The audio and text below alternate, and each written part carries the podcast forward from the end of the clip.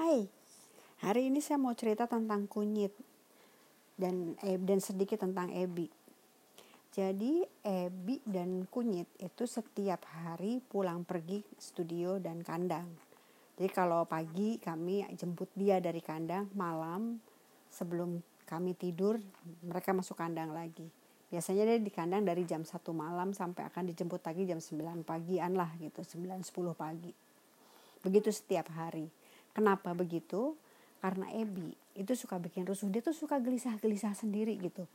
Dia tuh kalau kita bilangnya tuh rada mungkin dia rada agak agak agak Down syndrome kelihatannya dia. Jadi agak kurang gitu. Jadi re, apa responsnya juga beda dengan kucing pada umumnya. Terus kebutuhan dia untuk afeksi juga beda.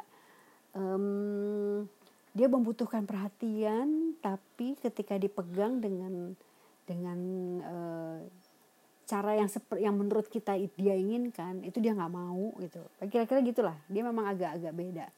Jadi dia suka sibuk-sibuk sendiri lari sana lari sini bunyi terus sehingga mengganggu yang lain. Dan kalau udah ganggu yang lain yang terjadi adalah suka bikin keributan. Belum lagi dia suka pipis-pipis gitu terutama di tempat-tempat yang menurut dia eh, tem benda itu atau tempat itu dia nggak seneng gitu. Atau di tempat kami tidur. Nah yang kayak kayak gini nih kan yang yang ganggu gitu kan. Makanya dia masuk kandang. Kalau kunyit karena dia sedang lagi semangat semangatnya mengawini. Jadi si betina yang eh, sedang masa birahi itu akan dikawini gitu ada berapa dan itu kan ya karena satu dan lain biasanya memang di, di steril ya. Biasanya kami mensteril yang jantan-jantan. Tapi karena satu dan lain hal kami belum bisa mensterilnya. Dan sementara itu maka kami harus ngakalin kan gimana caranya. Ya salah satu caranya adalah dengan dengan cara itu gitu. E, ketika kami bangun ketika kami melek atau ketika ya ketika kami awake dia mau ngawinin kan bisa dipisah ya. Kami bisa memisahkan gitu. Tapi kalau kami tidur kan enggak. Kejadian soalnya ada betina yang tahu-tahu hamdan aja gitu. Ini udah pasti pasti kejadiannya pas kami lagi nggak sadar gitu kan lagi tidur gitu. Dilakukan dengan diam-diam karena mereka biasanya kan berisik ya kalau kawin. Ya kira-kira gitu. Jadi akhirnya masuk kandang aja deh biar aman. Nah belakangan beberapa hari terakhir ini kunyit tuh kayak kayak anak yang gelisah banget gitu. Dia dia merasa bahwa uh, dia nggak mau banget gitu di kandang. Setiap kali digendong untuk dibawa ke kandang, dia akan memeluk erat dengan kuku yang keluar pegangan gitu. Nyakitin sih, tapi eh, yang yang lebih terasa adalah nggak tega kaminya gitu.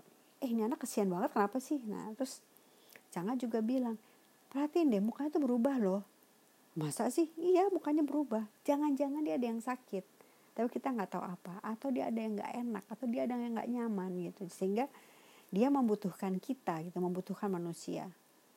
Um, gitu ya. Terus gimana dong? Ya udah deh diambil aja risikonya ya. Coba ya gitu. Udah akhirnya kami ngomong sama kunyit. Kunyit kamu nggak ke nggak ke kandang tapi kamu jangan ngawinin siapa-siapa ya gitu. Jangan aneh-aneh ya gitu. nah pada malam pertama, begitu dia tahu bahwa dia tidak diberangkatkan ke kandang dengan kelihatan dengan bahwa kami sudah siap-siap mau tidur dan dia tidak dikeluarkan. Dia tuh segera mencari sudut, mencari tempat untuk tidur. Dan dia tidur dan baru bangun bahkan dia belum bangun ketika kami sudah bangun pagi-pagi. Dan itu terjadi juga pada malam berikutnya dan malam pada malam berikutnya dan kami tidak melihat tanda-tanda dia mengawini siapa pun ya ampun ternyata dia tuh emang segitu beggingnya gitu segitu berharapnya um, bisa tetap berada di dekat manusia. Entahlah mudah-mudahan bukan karena sakit ya. Mudah-mudahan karena secara psikologis dia hanya pengen deket-deket orang gitu. Atau dia sudah kangen yang sangat dan dia nggak mau dipisahkan. Ini sampai sekarang sampai siang-siang pun dia ya tetap santai tidur. Dia lebih banyak dia memilih lebih banyak tidur gitu atau minta pangku. Artinya bukan mengawini yang kita khawatirkan itu gitu. Um, uh, dia merasa bahwa dia dipercaya dan dia memegang kepercayaan itu. Ya kira-kira terjemahan terjemahan cara berpikir dan cara merasa manusia sih nggak tahu benerannya gimana. Tapi paling enggak kami merasa bahwa ketika dia dipercaya untuk tetap ada bisa berada di sini nggak masuk nggak masuk nggak dimasukin kandang selama dia nggak ngawinin dan itu dia pegang menurut versi manusia ya. Dan dia tidak melakukan itu gitu. Jadi inget dulu sih zaman kerja. Kan kerja ke zaman kerja kan bos juga macam-macam kan. Ada bos yang kerja yang pokoknya nih gue kasih tugas lo gini gini gini. E, terserah cara ngerjainnya gimana pokoknya yang gue lihat hasil. Ada juga tipe bos yang ngasih kerjaan abis itu dia akan ngasih tahu cara ngerjainnya tuh gini gini gini gini detail sekali gitu. Dan lo kerjain pakai cara ini gitu. Tapi abis itu udah. Ada juga tipe bos yang uh, ini gue kasih kerjaan ini tapi dikit-dikit nanya tiap dikit-dikit ikut campur dikit-dikit nggak percaya lah kira-kira gitu.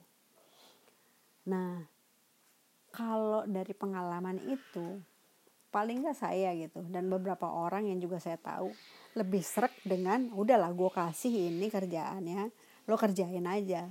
Gue lihat hasilnya akan eval gue evaluasi adalah hasilnya bukan bukan gimana caranya lo ngerjain. Karena kalau cara lo ngerjain kalau ternyata susah atau salah itu urusan lo gitu. Bukan bukan urusan gue gitu. Kira-kira gitu.